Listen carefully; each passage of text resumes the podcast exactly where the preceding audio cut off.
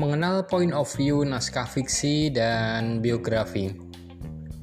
Halo, ketemu lagi dengan Anang dari penulisbuku.com.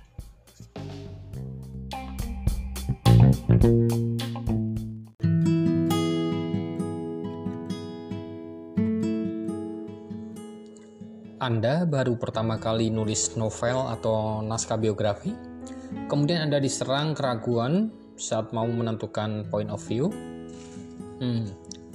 Point of view adalah sudut pandang penuturan kisah. Jadi si penulis menempatkan dirinya sebagai siapa di dalam kisah itu. Apakah sebagai salah satu tokoh di dalam cerita?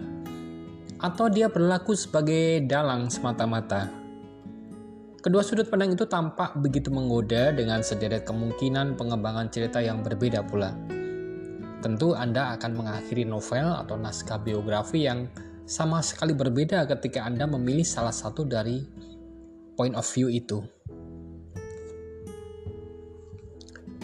Saya sudah nulis biografi belasan, bahkan hampir 20-an. Dan jangankan Anda, bahkan saya pun sering kali terjebak pada kesulitan untuk menempatkan diri sebagai penutur cerita. Nah, saya mau menempatkan diri di mana? Nah, itu problem yang sering kali saya rasakan ketika hendak menulis sebuah buku biografi. Seringkali kita merasa nyaman di awal dan sangat yakin bahwa point of view yang ini yang paling oke okay untuk kisah kita. Tetapi saat ada di tengah cerita, terasa ada yang mengganjal dan Anda seperti ada di persimpangan jalan. Apakah saya harus mengganti point of view agar novel atau naskah biografi itu lebih lancar ceritanya? Nah, teman-teman, saya mau katakan, tanpa menguasai point of view yang dengan baik, peluang Anda untuk berhasil dalam penulisan novel atau naskah biografi bisa jadi akan menukik ke bawah. Ya, bukan berarti saya mengatakan bahwa penentuan point of view atau naskah biografi sebagai unsur terpenting. Tetapi pahami bahwa elemen ini akan memudahkan Anda untuk dua hal. Pertama, untuk mempertegas kedetilan karakter tokoh yang mudah ditangkap oleh pembaca. Dan kedua, untuk membuat plot cerita mengalir dengan lebih lancar. Setiap jenis point of view mempunyai plus dan minus masing-masing tentu saja. Nah, pertimbangan hal itu sebelum Anda memilih salah satunya. Beberapa pilihan point of view saya sampaikan dalam penjelasan berikut ini.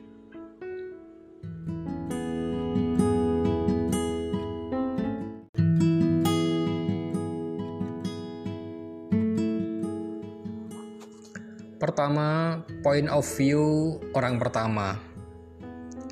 Ya, Anda sebagai penulis memakai kata aku atau saya atau terkadang kami untuk menegaskan sudut pandang sebagai orang pertama.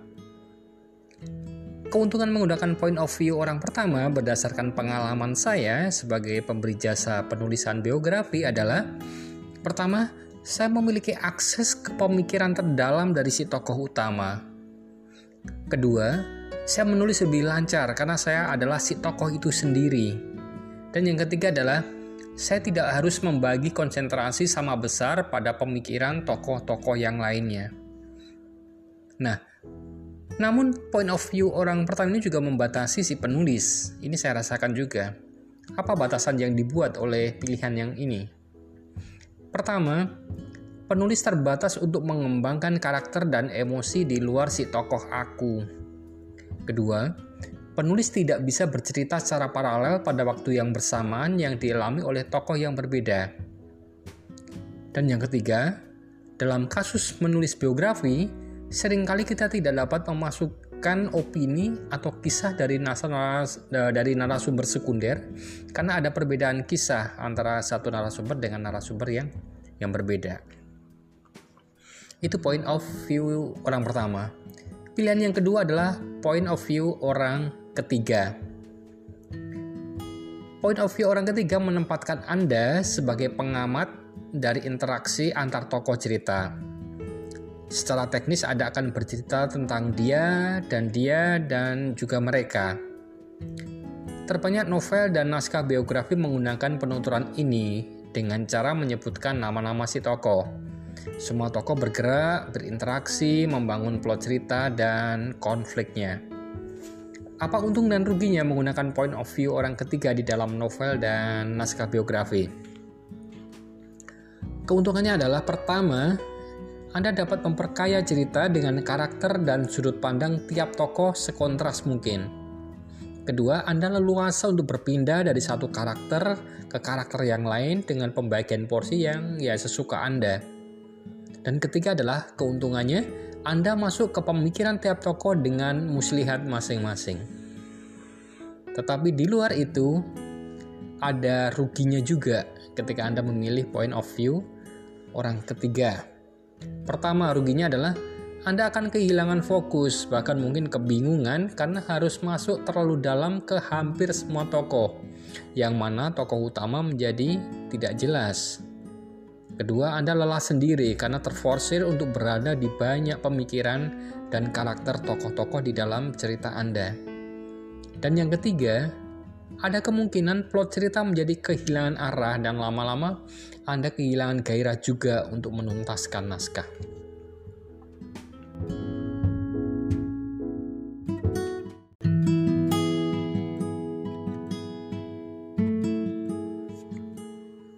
Oke, jadi mana yang terbaik untuk kisah yang sedang Anda tulis? Point of view orang pertama atau point of view orang ketiga? Apakah satu sudut pandang atau banyak sudut pandang? Seperti kebanyakan dalam hal dongeng, itu adalah pilihan dan hak asasi Anda untuk memilih.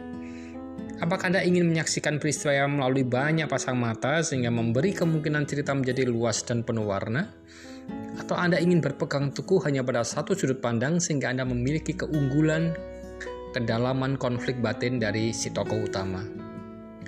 Nah, pada akhirnya itu bermuara pada tuntutan cerita Anda dan efek yang ingin Anda capai. Oke, cukup jelas ya. Sampai jumpa.